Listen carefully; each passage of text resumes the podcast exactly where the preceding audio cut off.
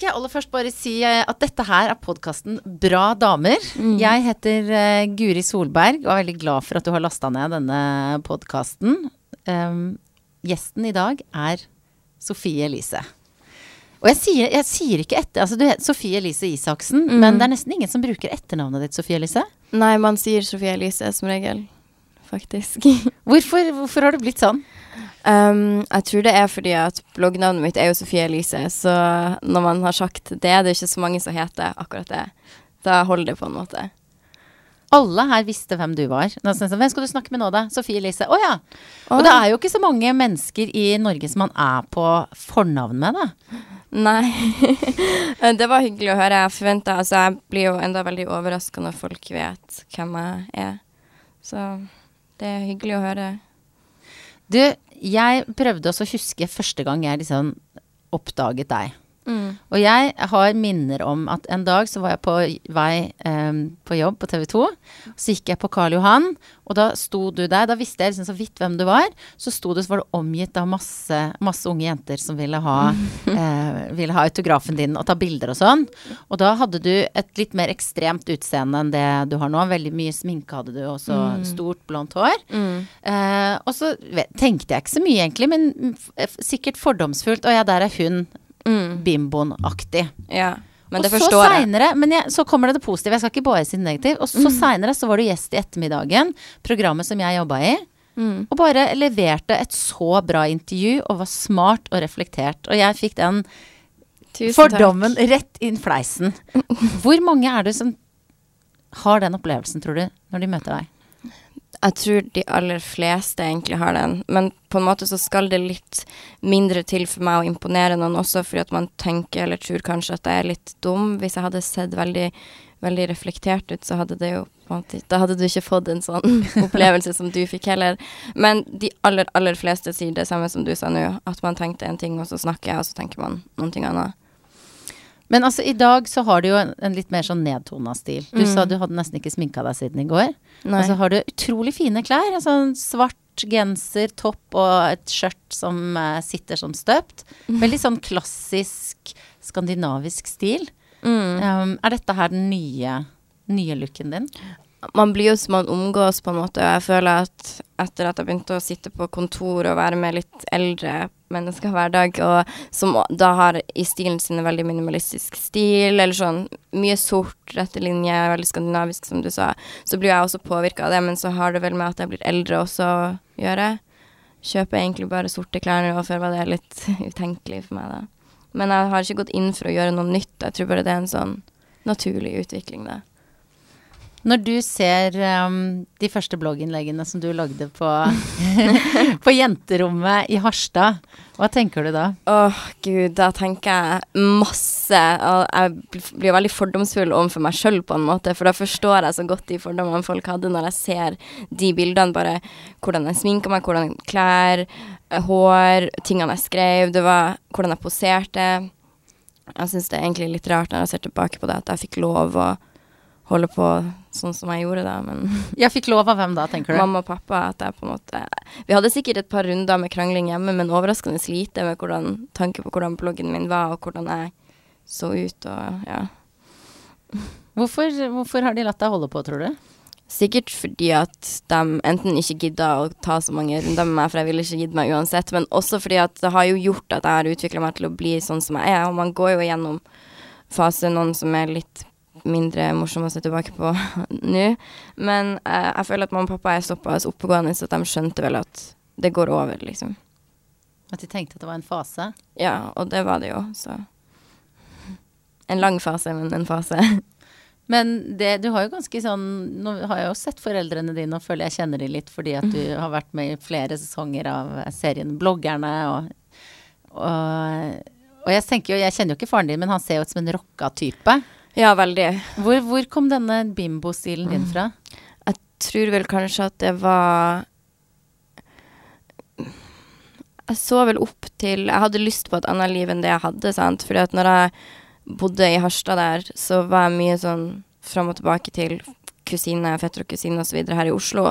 Så hvordan de hadde det. De gjorde mange kulere ting. De hadde mye mer penger. De liksom var det jeg ville være. Og samtidig satt jeg hjemme og så på sånn uh, Playboy Mansion-greier, sånn serier og sånn som så det. Og så tenkte jeg bare at jeg ville bare rømme bort fra det jeg hadde, på en måte. Så alt det som jeg forbandt med mamma og pappa hjemme, Nord-Norge, Harstad, ville jeg liksom bryte litt bort fra. Så jeg tror kanskje den fikseringa for utseendet kom av at jeg hadde så lyst til at alt skulle være noe helt annet enn det det var i livet mitt. da. Ofte når man forandrer sånne ytre ting, så blir det jo sagt at det er heller inni man skulle forandra. Ja, det er det. Og jeg føler at det gjorde jeg vel kanskje ikke. Jeg sleit med veldig dårlig selvtillit. da. Jeg tenkte vel kanskje at hvis jeg bare gjør det her, eller hvis jeg bare farger håret mitt igjen, eller tar Restylane, så kommer det til å bli bra, istedenfor å jobbe med hvor det faktisk kommer fra, den dårlige selvtillit. Så på innsida så jeg brukte nok veldig mange flere år enn det jeg hadde trengt på å være usikker på ting, fordi jeg la løsninger i det ytre igjen som det ikke skulle være. Det ble jo en enda større byrde å bære jo mer ting du følte at du måtte vedlikeholde eller måtte fikse på. Så nå som jeg kan gi litt faen, så føler jeg det er mye bedre da enn en da når jeg brydde meg altfor mye. Hva er det som gjør at du klarer å gi faen nå, da? Det, fordi at jeg har fått selvtillit i at jeg tror på at det jeg kan bringe til bordet i form av hva jeg sier eller hva jeg oppnår, er godt nok. At hvis folk møter meg, så trenger jeg ikke imponere dem med utseendet mitt, for jeg har trua på at jeg kan imponere folk ved å bare være sånn som jeg er da. Og da gjør det liksom ingenting om jeg ser litt sliten ut, eller om jeg ikke har vaska håret på ei uke som jeg ikke har gjort nå, eller bare, bare ja, gi litt faen, da. Hvordan oppdaga du det? At eh, hei, jeg har jo noe på hjertet? Det har jeg, jeg har egentlig alltid hatt noe på hjertet, men jeg har på en måte ikke hatt jeg har alltid vært en som har engasjert meg politisk på skolen. Jeg har alltid vært en som har deltatt aktivt i å diskutere i timene. Og jeg vet at jeg har alltid hatt en lidenskap for ja, miljøvern, alltid. Men det er på en måte én ting, for der har jeg alltid vært sikker på at jeg kan noen ting. Eh, men det er noe annet når det blir deg som person, da. At man føler at man kan gå inn i et rom uten å For meg så var det sånn såpass ille at hvis jeg gikk inn i et rom, så tenkte jeg at hvis noen satte seg på den sida av meg som var min stygge vinkel, på en måte, så kunne det liksom være sånn at jeg følte jeg måtte sitte og skjule meg, på en måte, for jeg følte meg så stygg, sant. Og da kunne jeg godt snakke høyt og være engasjert i diskusjoner, men det var noe annet, for det handla ikke om meg igjen. Så heller den er jeg som person og tørre å snakke, og den biten på en måte oppdaga jeg vel ikke at jeg hadde før sånn i fjor eller noe. Og hvor, vet du liksom hvilket øyeblikk du oppdaget det, eller fikk den selvtilliten? Ja, uh, jeg var med på mitt dansecrew, en sånn danseprogram på TV 2 i fjor. Og da, når vi var inne i den prosessen med trening og så videre, så forfalt jeg jo på en måte, for da hadde jeg ikke tid til å fikse håret eller vippene, jeg fikk skikkelig alvorlig akne, og det var sånn at jeg liksom kunne blø masse i ansiktet når de sminka meg backstage, og så måtte jeg uansett gå ut på den scenen og danse. Og så gikk det jo bra, vi kom langt, og folk likte det, og da tenkte jeg sånn at selv om det var dansing, så tenkte jeg sånn OK, men jeg kan klare noe hvis jeg bare vil, og det har ingenting å si at jeg ser såkalt stygg ut nå, eller det, Så det var liksom definerende for meg, var liksom den opplevelsen der, da. Hvis du skulle gi et råd til deg selv som 14-åring nå, hva skulle det vært? det er masse. Uh, det hadde vært sånn For det første at det er sant det pappa sier om at hvis gutter på 20 kjører rundt på jenter med, som er 14, så er de ikke noen å samle på. Det skulle jeg ønske at jeg visste. og at uh, jeg burde bare slappe litt av, fordi at tida går, og du om, om noen år så er du liksom 21, og da er ting annerledes. Det ville jeg kanskje tenkt. Man føler seg 14 for alltid når man er det. Så. Og hvordan føler du deg nå? Uh, rolig, egentlig. Jeg føler meg avslappa. Litt sliten, kanskje. Men jeg føler meg bra, så hvordan er dagene dine? Altså, du lever jo eh, godt, vil jeg tro, av å være blogger. På managementet din sin side mm. så står det at du er public speaker. Mm. Um, altså, hva slags oppdrag har du? Hvordan kan en Sofie Elise-dag se ut? Det er utrolig ulikt fra dag til dag. Jeg får gjort veldig mye forskjellig, men som regel, hvis man tar det gjennomsnittlig, så er det at jeg drar på kontoret sånn at jeg er der klokka ni. Og så sitter vi og som regel har sånn brief, eller sånn møte når jeg kommer, bare om hva som på en måte har skjedd det siste døgnet, og hva som står på eh, planen i dag. Og så er det ofte litt intervjuer, eller så holder jeg på å jobbe med bok nå, så det krever jo en del.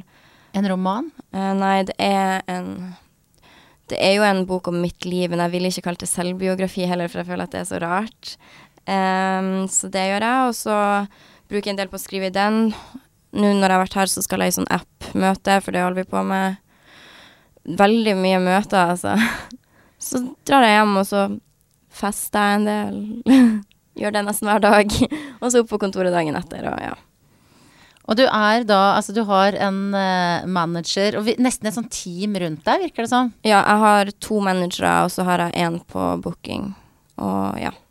Det er ganske mye eh, til å være en uh, ung jente fra Harstad, ja, mm, uansett hvor man yeah. er fra, og uansett hvilken alder man har. Men uh, hva er det de gjør? Uh, jeg tror at de, når jeg starta der, så var det vel meninga at jeg bare skulle ha én person, men så ble det så mye press, og jeg tror ikke de var forberedt på det. Eller jeg, eller jeg har jo vært vant til det, for jeg har jo deala med det her sjøl i flere år. Men det de gjør, jeg har en på presset som tar alle telefoner, og det er sånn hver gang jeg sitter og snakker med henne, så ringer det noen, og da er det nesten alltid om meg. Det er sånn, selv om hun har mange andre profiler. Og så de, så de styrer presset, og så passer på at jeg er der jeg skal være. De er med meg på ting ofte, og passer på at folk ikke er frekke, og at man holder tidstabellen man skal holde, osv. Så, videre. så er det ei som er på booking på oppdrag sånn som ja, å snakke, eller um, DJ-e, eller ja, litt sånne ting. Og så er det ei som styrer blogg, og ikke styrer bloggen, men avtaler at alt er sånn som det skal, og, og så videre. Og så har jeg jo teamet på Nettavisen også, der har jeg jo tre selgere og litt sånn, så det er forskjellig. Så du er rett og slett Det er en hel bedrift som omgir deg? Mm. Hvordan føles det? Rart. det føles veldig rart. Jeg føler meg jo Noen ganger så tenker jeg sånn når jeg er på kontoret sånn shit, at jeg får lov til å være her. At de på en måte vil at jeg skal være her, at de vil jobbe med meg. Så jeg syns det det føles helt sjukt, egentlig. Jeg føler jo at det er jeg som er heldig som har dem, da. Men samtidig så er det jo ikke så rart, for du har jo en utrolig eh, markedsverdi. Altså du har påvirkningskraft. Da er det 50 000-70 000 mm. unike lesere hver eneste dag. Mm. Det er flere enn de fleste nettaviser. Mm. Jeg tenker um, Den makta som du har, hvor mye tenker du over den? Jeg tenker mer over det nå enn det jeg gjorde før. For at før så var jeg veldig sånn OK, jeg er et forbilde, men jeg kan ingenting for det, bla, bla, bla. Jeg tenkte liksom litt sånn. Eh, det er jo en ganske rar tankegang, fordi at nå tenker jeg mer sånn at hvis du er 12-13 år og du leser min blogg, så er du i en fase hvor du er veldig åpen for å bli påvirka, enten jeg vil det eller ei, eller enten jeg føler meg komfortabel med å være et forbilde eller ei. Så nå tenker jeg mye mer på det at de kan være sånn som meg å sitte hjemme og føle seg utilpass og kanskje bli for påvirka av mitt liv, eller Så jeg tenker over at jeg skal bare Det beste jeg kan gjøre, er bare å vise at man kan oppnå ting, og at man skal være et godt menneske, og ja. Sånn sett tenker jeg over det. Men jeg gjør jo mange dumme ting, men jeg trenger ikke å skrive om det på bloggen, for man er så åpen for inntrykk, sant. Hva er det du gjør som du ikke vil skrive om på bloggen, da? For eksempel at jeg Jeg tror jeg er ganske sånn jeg er litt drøyere enn folk tror, egentlig. Jeg er ganske sånn pervers Ikke pervers, men jeg er veldig sånn Ja, folk blir litt overraska over at jeg er på en måte som en mann, ikke for å si det sånn, men jeg er veldig sånn direkte. Jeg kan være litt frekk uten å mene det, for jeg har ingen filter. Jeg sier akkurat det jeg tenker på. Og at jeg fester litt for masse. Jeg kan ikke skrive på bloggen min at jeg fester hver dag. Da hadde de jo Eller hver dag er det jo ikke, men jeg føler ikke sånne ting er noe vits i å skrive, på en måte. For det, det, kan ikke gi dem noe, og det gir meg heller ingenting å skrive om det, på en måte. Men har du ellers liksom grenser? Eh, du har jo delt ganske mye. Jeg har sett deg gråte mange ganger, og var det, mm. i dag er første gangen jeg hilser ordentlig på deg, men jeg har jo på en måte ja, jeg har sett puppene dine og pappaen din og, mm. og kjærlighetssorgen din og mye annet. Ja, og det er det at jeg føler at kanskje de siste månedene eller det siste halve året så har jeg blitt mye mer sånn at det er ting jeg ikke har lyst til å det med puppene, tenker jeg, det gir jeg egentlig litt faen i, for at det er bare en kroppsdel, så de kunne på en måte ikke at det passer seg, men jeg kunne på en måte gjort det samme. Hallo! men uh, sånn som det med kjærlighetssorg eller å gråte og Det er ting som jeg absolutt ikke ville ha gjort igjen, føler jeg. Eller gråte. Gråte kan man jo for så vidt ikke kontrollere om man gjør, men det med kjærlighetssorg ville jeg aldri ha delt igjen på den måten som jeg gjorde det da. Um, jeg føler at privat på, sant. Uh, og jeg kunne ikke ha sittet med en fremmed gjeng og bare grått og sånn her er kjærlighetslivet mitt, og det er jo det det på en måte blir når man gjør det på TV, da. Så det er en ting som jeg Og når jeg ser det sjøl nå i ettertid, så blir jeg veldig sånn herregud, hvorfor gjorde jeg delte det? Men det har jo hjulpet mange, da. Det er jo folk som sier til meg at det har gjort at de ikke føler seg så alene i den sorgen de har, da. Men da går det jo på min bekostning igjen, som syns det er ubehagelig å ha delt det. Så det kommer jeg ikke til å gjøre igjen. Er det flere ting du angrer på at du har delt? Ja, det, det er ting jeg angrer på at jeg har delt, fordi at man blir aldri kvitt det, på en måte. Man må jo Ting som er Jeg har jo på en måte sikkert ment noe om alt mulig i løpet av disse årene. Det er ikke alt man mener nå, og det er ikke alt man på en måte føler det samme for, men er det der, så er det der, og da kan man bli konfrontert med det. Senere så det er absolutt ting jeg skulle ønske jeg ikke hadde skrevet. ja. Hva da?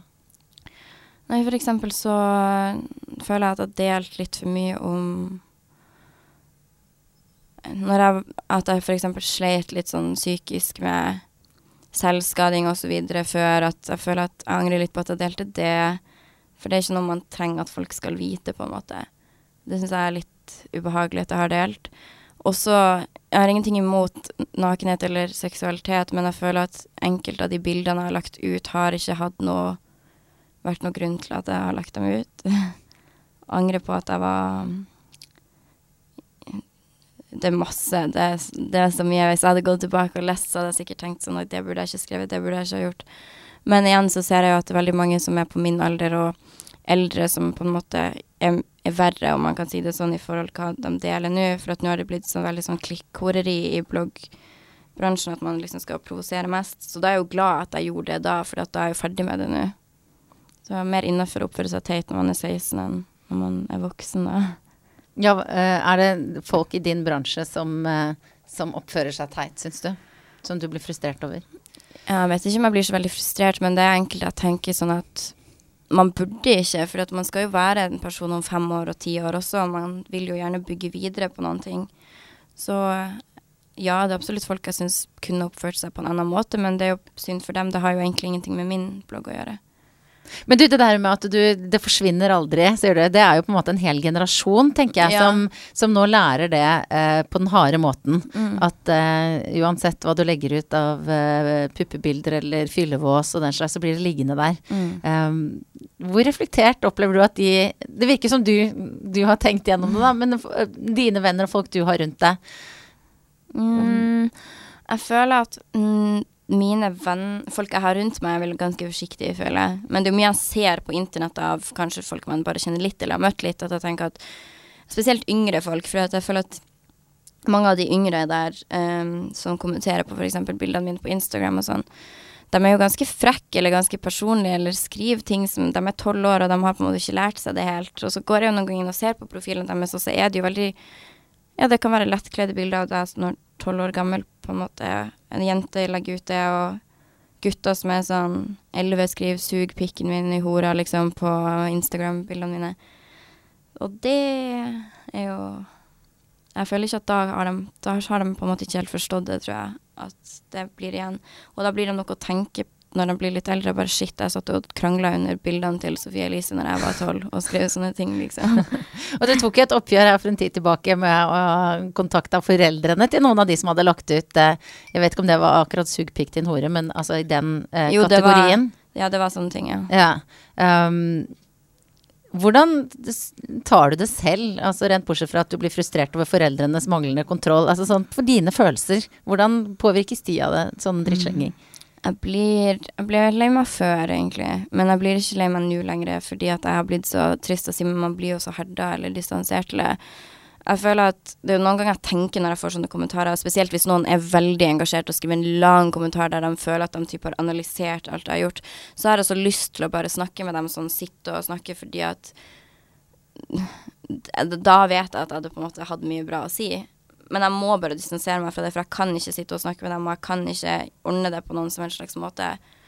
Så jeg ble trist før, men ikke lenger nå. Og så er det trist at mamma og pappa har blitt mye trist når de har lest eh, kommentarfeltet mitt opp igjennom, for det er jo barnet deres, og dem, for dem har det nok vært mye vanskeligere enn for meg, da. Men det at du har klart å distansere deg fra Har du fått proffhjelp til deg? Nei, eller jeg går jo til psykolog, eh, men jeg føler ikke at han har hjulpet meg med akkurat det. Eh, det har jeg egentlig aldri hatt behov for å få hjelp for, fordi at jeg har Det er noen kommentarer på internett, sant. Det går egentlig fint. Det finnes veldig mange verre ting. Det er liksom folk som blir mobba i virkeligheten, eller ikke har noen venner, og jeg tjener bra og har en kul jobb og er med kule folk, så hvis noen sier til meg at du er stygg, så på internett så er det jo sånn Det går fint, på en måte. Så Hva er psykologen din hjelper deg med, da? Han hjelper meg vel egentlig bare med at Egentlig ikke noe sånn spesielt, bare å ha noen å snakke med og bare si alt til, for det har jeg kanskje litt vanskelig for å gjøre sånn ellers. Og pluss det at jeg har jo mine svakheter i hvordan jeg oppfører meg, og er som han kan hjelpe meg å finne ut hvorfor jeg er sånn, og hva jeg kan gjøre på for å ikke være sånn. Men mye med det med å slippe kontrollen fra å skulle være perfekt, eller det jeg tenkte var perfekt før det. Mm. Slipper det taket? Ja. Vet ikke om det har noe med han å gjøre, eller om det bare er en utvikling, da.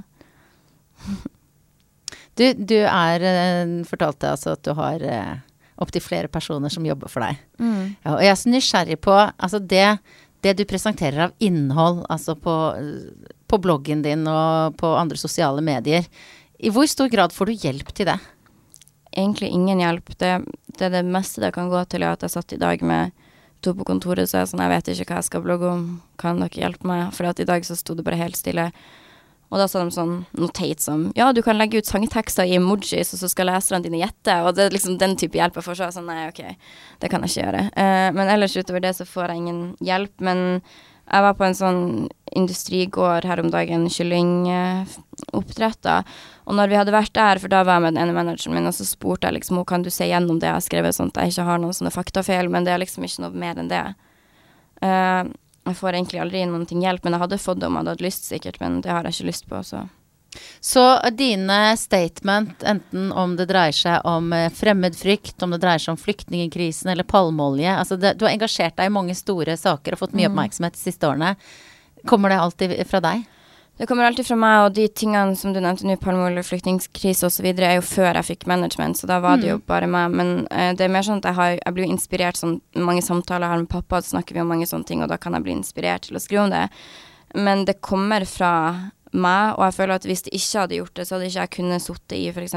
debatter eller bli konfrontert med de meningene uten å freake litt ut, for at da hadde det ikke vært ekte. Men det er jo noe jeg føler, virkelig føler sjøl, og det gir jo ikke dem noen ting, managementet mitt. De vil sikkert at jeg ikke skal snakke så masse om sånne ting.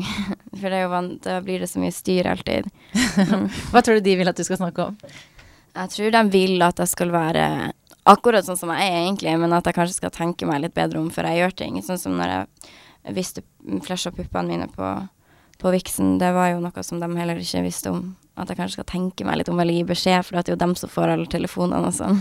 Ja, og du fikk altså Du fikk opptil flere priser, gjorde du ikke det? Jo, jeg fikk to priser. Jeg fikk Årets blogger og Folkets favoritt. og jeg. takket da for en av de ved å vise en, en, en stor, fin silikonpupp. Hvordan hva, hva, tenkte du i det øyeblikket du gjorde det?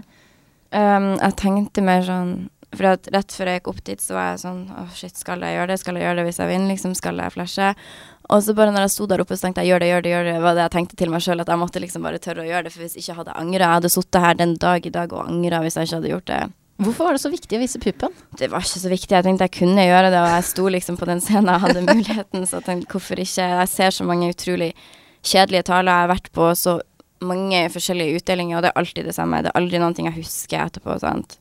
Så da vil jeg bare gi folk noen ting de husker, eller som jeg husker, i det minste. Jeg husker jo ikke den andre talen min, derfor jeg jo ikke, jeg husker ikke hva jeg sa der.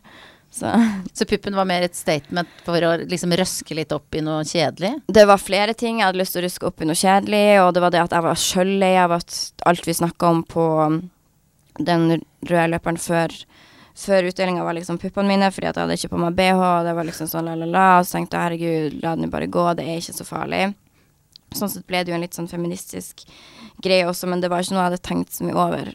Det var bare flere ting som gjorde at det rykka litt i meg. Jeg måtte bare gjøre det. Men det ble jo altså det som regel, da, når du, når du, melder noe, så blir det jo mye styr rundt og mye oppmerksomhet. Og det her ble jo en debatt i avisene, og mm. feminister som forsvarte deg, og andre som ikke var enig. Altså hvordan opplever du å stå oppi noe sånt? Jeg distanserer meg veldig, for det er så rart når jeg sitter og ser på Og ikke distanserer meg samme vilje, jeg bare er sånn når jeg sitter og leser nettavisene og ser mitt eget navn i bildet, så er det sånn Å ja, OK. Det føles som å se hvem som helst andre som jeg hadde trykka inn i og lest litt, og så sånn OK, videre til neste, på en måte.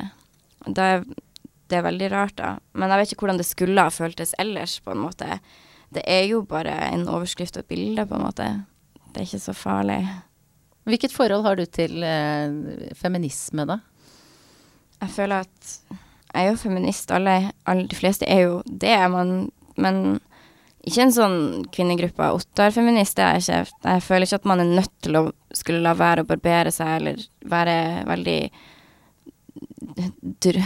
kvass i meningene sine for å måtte være feminist. Jeg er for like rettigheter, og også hvordan man blir snakka til og behandla. Derfor følte jeg også det med at jeg kunne vise puppen min var en feministisk greie fordi at det hadde ikke vært noen stor sak om jeg var en mann, eller det hadde ikke vært noen sak om jeg på en måte hadde ikke hatt silikon, eller jeg tror at på en måte det var mange ting som gjorde at det ble feil av meg å gjøre i forhold til andre, da. Um, men jeg føler at barber deg eller ikke barber deg, gjør hva du vil eller ikke vil, altså det er OK. Jeg vil bare at man skal ha like rettigheter og være glad, så ja. Men jeg blir jo veldig mye tråkka ned på av enkelte grupper av feminister, men da, da er man jo ikke feminist hvis man gjør det mot andre, føler jeg.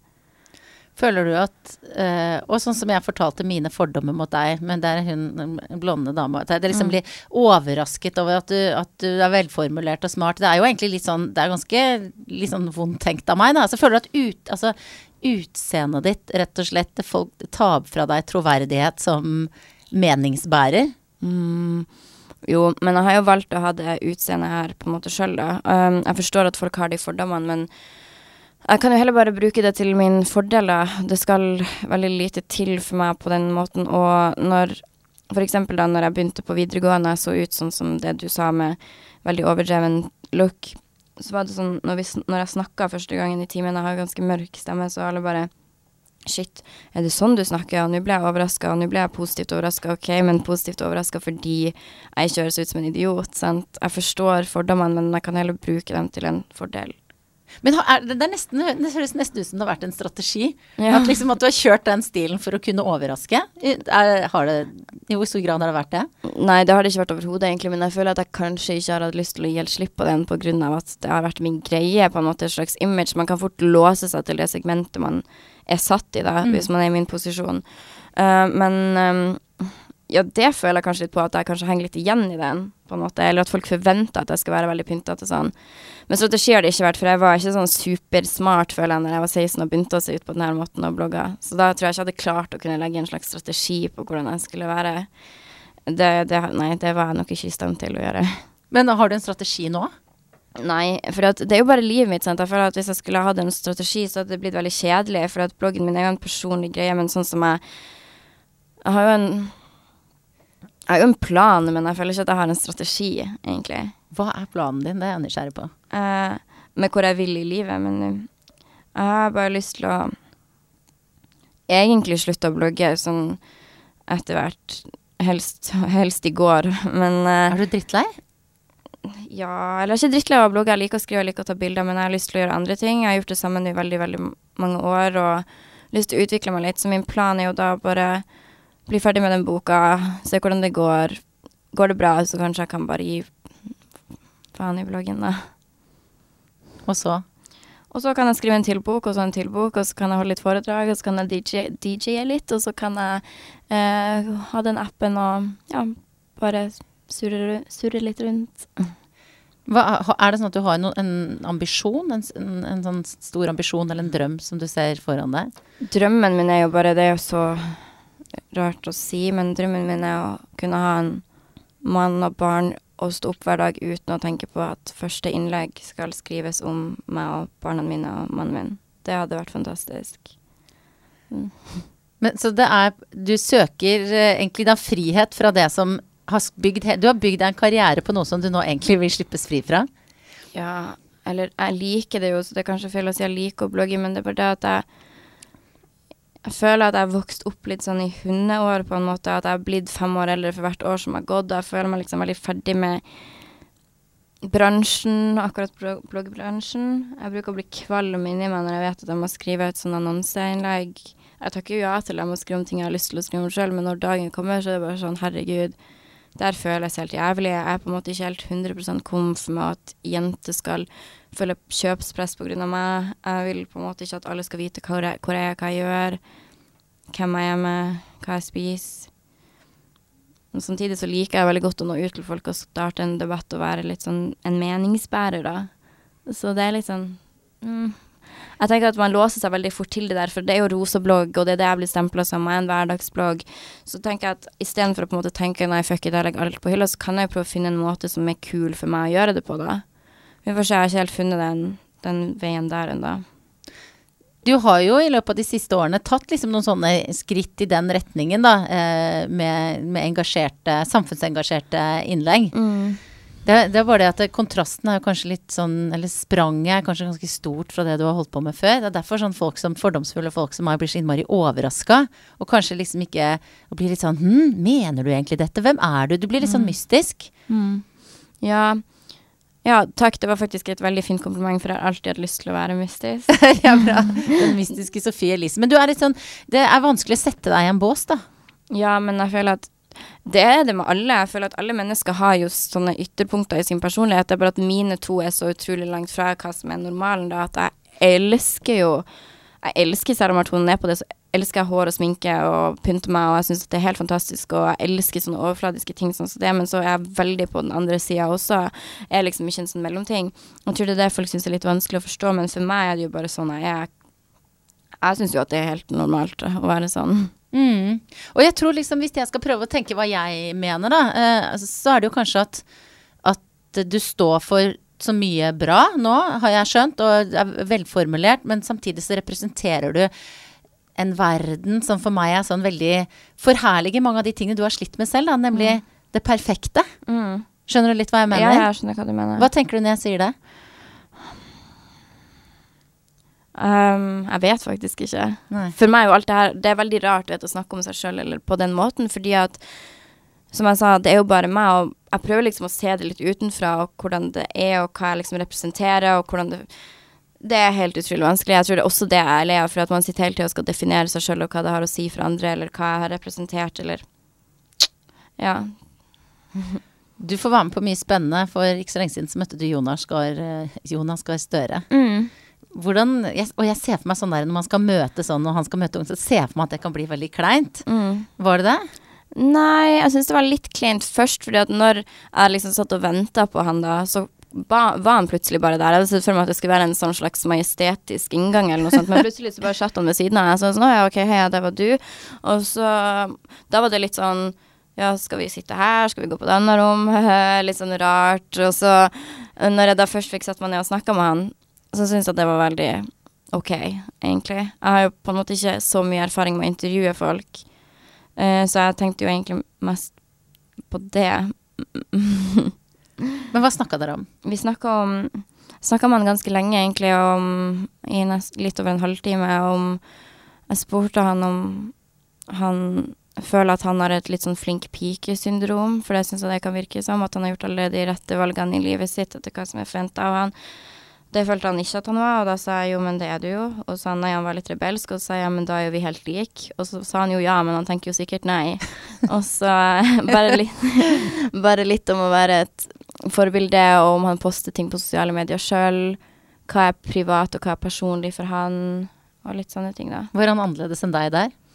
Om hva som er privat og personlig? Mm. Nei, fordi at han har Han sa at han Grunnen til at han ikke tar med seg familien og sånn på ting, og ikke viser noe så mye fra hjemme og sånn, er fordi at der har han sin free space, der han bare kan slippe alt, og hvis han først lar noe komme inn der, så ødelegger han litt den free spacen, da. Og det er det jeg også føler sånn nå, at jeg har liksom noen venner og enkelte ting jeg gjør som aldri berører bloggen, fordi at der på det stedet så er jeg fri, det er min space.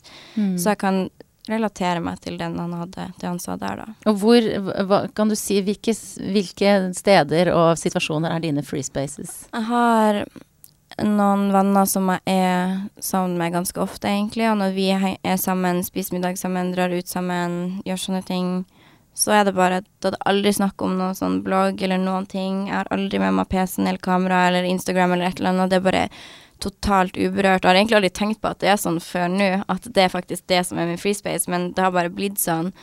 Og det med Ja, det betyr veldig mye for meg, da, å få ha det. Du, du er eh, på samme management som eh, ganske mange andre kjente profiler. Jeg hørte akkurat en sniklytta på deg når du kom inn, snakka med en venn av deg her, at du skulle på reise på tur med Stian Blipp og kjæresten. Er det sånn at dere blir, er liksom blir dere satt sammen i team, på en måte, og reiser rundt og gjør jobber? Uh, ja, vi blir jo Eller sånn som Jeg tror managementet vil at Nå skal vi jo ikke på tur, da, vi skal på Gullruten. Ja, ok. Nå hørtes det ja, ja, veldig men, fancy ut. Ja, det er så bra når jeg bare hører litt. ja. Vet du, kunne jeg laget rykte. Uh, på ferie. Ja, vi tre skal på ferie. De har trekant hver kveld. Sånn. Det har vært en bra historie. Nei, det, ak akkurat det er jo bare sånn Ja, uansett. De setter oss jo litt sammen, ja, fordi at det er hyggelig å kjenne noen som kan relatere seg til hva man går igjennom. Og vi møtes jo ofte, så hvis man har en sånn trygg person og eh, Sånn som nå på fredag sist uke, så var jeg på konsert med Marcus Bailey, som er Idol-programleder, som også er i managementet mitt, og så er jeg noen ganger ute og spiser med liksom Stian og dem, og, og det er managementet mitt som ordner det, men vi vil jo det også. Hvordan er det å bli satt sammen i en sånn gjeng? Det er pussig for folk som møter på dere. Er det sånn Der sitter han og hun. Mm. Og er, er, det sånn Er alle kjendiser venner? Ja. For meg så føles det veldig, veldig rart, for jeg har jo ikke vært inne i det her gamet så lenge, så det er jo ikke sånn fryktelig mange år siden jeg satt og så disse folkene på TV, og nå på en måte henge med dem er ganske sånn rart, eller det var det først. Men det føles så normalt, for nå kjenner jeg dem så godt, og når folk møter oss ute, så tenkte jeg Jeg var med to venner på lørdag som også er litt sånn kjent Åh, det høres teit ut å si det. Hvem var det? uh, nei, det var um, Tinashe og en, en, til. Og så var vi liksom ute og spiste, og så bare kommer liksom Og da skal alle sette seg ned og liksom henge med oss. Så tenker jeg sånn, ja, men hvorfor vil dere det? Men så kommer jeg på en måte på, ja, men det er jo vel for at vi er kjent, eller et eller annet. For, for meg så blir det sånn, OK, men hvorfor har så mange lyst til å snakke med oss, sitte med oss? Det er veldig rart, altså. Men du, i sånne sosiale sammenhenger, du er, om du er med kjente eller ukjente venner, da. Eh, hvordan er du da? Um, rolig. Eller sånn, jeg er alltid den som La oss si da at vi sitter ute og er mange folk, så er jeg aldri den som liksom snakker først eller sier noe. Jeg sitter bare og hører på hva andre sier og liksom observerer. Får med meg alt de sier, og jeg er liksom ikke sånn super Eller jo, jeg er litt sjenert, men jeg sitter liksom bare og Jeg er veldig rolig, tror jeg. Overraskende rolig. Og så har jeg noen sånne ting jeg sier innimellom. Sånne Jeg vil at tingene jeg først sier, skal være bra, da. Så da sitter du og tenker ut noe? Nei, det kommer egentlig bare, men det er ikke sånn at jeg vil begynne sånn Ja, oh my god, vet dere hva hun sa? Han Ja, jeg vil liksom ikke være den, da. Og det er jeg ikke heller, så. Du, eh, jeg har noen sånne faste spørsmål som jeg pleier å stille til alle. Mm. Veldig sånn enkle. Eh, eh, blant annet, hva spiste du til frokost i dag? Jeg spiste på kontoret, og jeg spiste en sånn bagett med ost og salat og litt sånn. Er du glad i frokost? Mm, jeg er glad i frokost, men jeg er ikke så glad i å spise på morgenen, liksom. Så du tar frokosten litt utpå? Ja. Når Nei. spiste du i dag, da? Da jeg spiste jeg OK, det kan ikke engang kalles en frokost. Jeg spiste klokka to. Var du ute og festa i går? Mm, det var hvem, var du, hvem var du med da? Var det, da? var det kjendisvenner da? Mm, I går så var jeg med Marte i managementet mitt. Og så møtte jeg Ja, det var, det var kjendisvenner. Herregud. ja, men jeg var nysgjerrig. Um, du vil ikke si hvem det var. Det, folk syns det er gøy å høre. Ja, men det er privat. Det free space. Ja. Det er viktig. Det er bra, mm. Sofie Elise. Uh, hvor lang tid brukte du til å planlegge det du skulle ha på deg i dag? Det her har jeg hatt på meg siden i går, um, og da brukte jeg Betyr det at du ikke har sovet hjemme, eller? Nei, jeg sov ikke hjemme. Um, og jeg har uh, Jeg brukte ingen tid på det her, for de her klærne fikk Eller kjøpte jeg i går, så da var det naturlig å ta dem, da. Det, du vet at jeg har lyst til å spørre hvor du sov hen da, men er, er det, det, det er free space. Det er free space, og du vet, jeg respekterer det. Den nye Sofie Elise. Og da spørs det om du vil svare på det neste spørsmålet mitt, som er når hadde du sex sist? Um, det er faktisk en stund siden, for at jeg har uh, mensen, så ei uke siden. ok, men det er kun mensen som har begrensa det. det ja. Selv om du, du er singel fortsatt, eller? Ja, jeg er vel det, men jeg er på en måte ikke Ja, jeg er jo singel, men Man får se. Er det, er det vanskelig å være på en måte sånn halvsingel, eller kanskje med noe på gang, som jeg tolker deg nå, når du er en sånn profil som du er? Ja, det føler jeg absolutt er veldig vanskelig, for man har jo lyst til å finne ut av ting sjøl. så der er jeg veldig sånn at jeg skal verne om privatlivet mitt på den fronten, fordi man har jo gjerne lyst til å finne ut av ting uten innblandinger fra, fra andre, da. Mm. Men er det en av kjendisvennene dine? Vi lar den henge i luften, Sofie Elise. Jeg har bedt deg ta med noe. Ja, og det har jeg borti veska der. Ja, bare hent det, du. Eh, Sofie Elise har fått, som de alle andre gjestene her i Bra damer, eh, beskjed om å ta med noe som sier noe om hvem hun er. Som kvinne. Og hun har jo da en Å stor som kvinne? Ja, men altså hvem du er. Punktum. Eller som kvinne. Hvis, eh, hadde, hvis du hadde valgt noe annet, da. Um, alt, her opp, alt her oppe er så representerer meg så bra, så jeg vet liksom ikke helt en stor, fin Louis Vuitton. Er det sånn eh, veske med Er det med dine inni, sånn initialer på? Ja, dem har jeg her i rosa. Er det da noe du har fått mot å skrive om det, eller ta bilde av det? Nei. Den har du betalt for selv? Her er det jeg tar Kamera. Kamera mitt, ja. Stort kamera. Ja. Og det er det du bruker til å ta bilder med hver dag. Nesten alle bildene, men jeg føler at det representerer meg så bra også, fordi at det er knust, og det er litt ødelagt, og det har liksom vært med meg på alt mulig slags drit. Det er liksom, jeg tar ikke godt vare på det, jeg har ikke linsedekk eller noen ting. Men eh, det er jo det som Det er jo veldig viktig for meg, da. Så du har med deg kamera både fordi du tar masse bilder, men også fordi at det har blitt behandla dårlig og skjønnsløs. ja. det er, det litt sånn, er det sånn Mister du ting og sånn? Ja, ja, er du gal. Jeg tror ikke det går en uke uten at jeg har mista noe som jeg føler er viktig for meg. Så nå gikk jeg nettopp ei uke uten bankkort, for jeg ante ikke hvor det var. Det var sånn Ja. Hvor er det? Har du funnet det? Ja, jeg fant det. Det var en jakke som jeg ikke hadde brukt på lenge. Jeg har tydeligvis bare prøvd den hjemme og tatt, lagt kortet der. Jeg har ikke peiling. Er det noe annet du savner eh, akkurat nå? Som du Ja, solbrillene mine. Dem, jeg har noen solbriller nå som hvis, Eller har jeg nå det? Jeg hadde ikke solbrillene. ingen, sant? Nå har vi, må, må vi kanskje mista solbrillene dine Ja, sånn underveis her. De var ikke mine engang, så det var litt kjipt. Ok, men da fikk vi i hvert fall lære om et uh, personlighetstrekk ved deg. Eh, Hva synes du, Sofie Elise, kjennetegner en bra dame?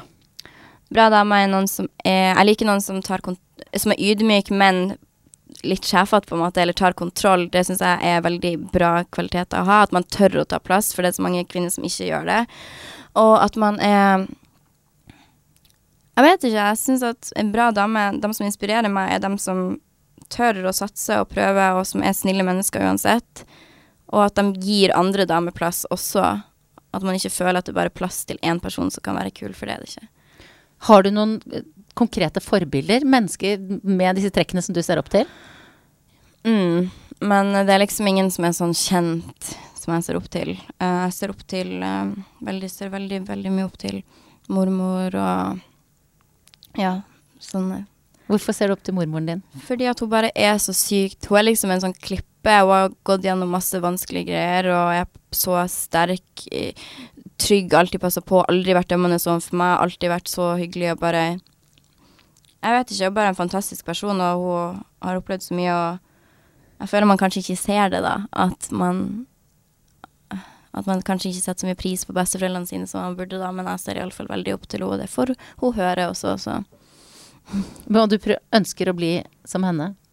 Jeg håper i alle fall å ha hennes godhet og hennes evne til å ikke la seg vippe over av for mye når mye skjer, da.